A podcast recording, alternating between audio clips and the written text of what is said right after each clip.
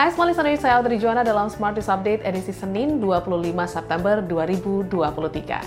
Smart Listeners, Presiden Joko Widodo mengatakan dampak bisnis e-commerce, salah satunya TikTok Shop, telah membuat penjualan serta produksi di lingkup usaha mikro kecil dan menengah hingga pasar konvensional anjlok.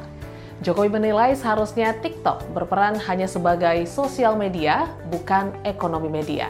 Oleh karena itu, persaingan harga di e-commerce tersebut, Jokowi menegaskan bahwa pemerintah melalui Kementerian Perdagangan telah menyiapkan aturan untuk mengendalikan niaga elektronik atau e-commerce berbasis media sosial.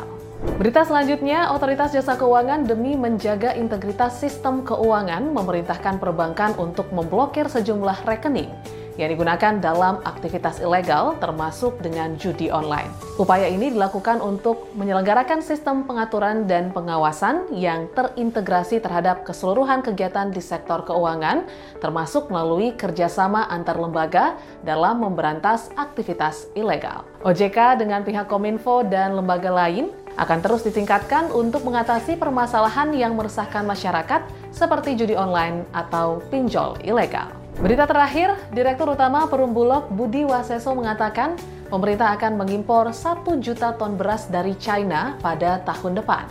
Ini merupakan kelanjutan dari kebijakan impor beras 2 juta ton yang dilakukan pemerintah di tahun ini. Budi sendiri mengatakan impor dilakukan untuk mengantisipasi dampak kekeringan yang dampaknya diperkirakan masih akan berlangsung hingga tahun depan. Sekian berita hari ini, sampai jumpa dalam Smart News Update berikutnya.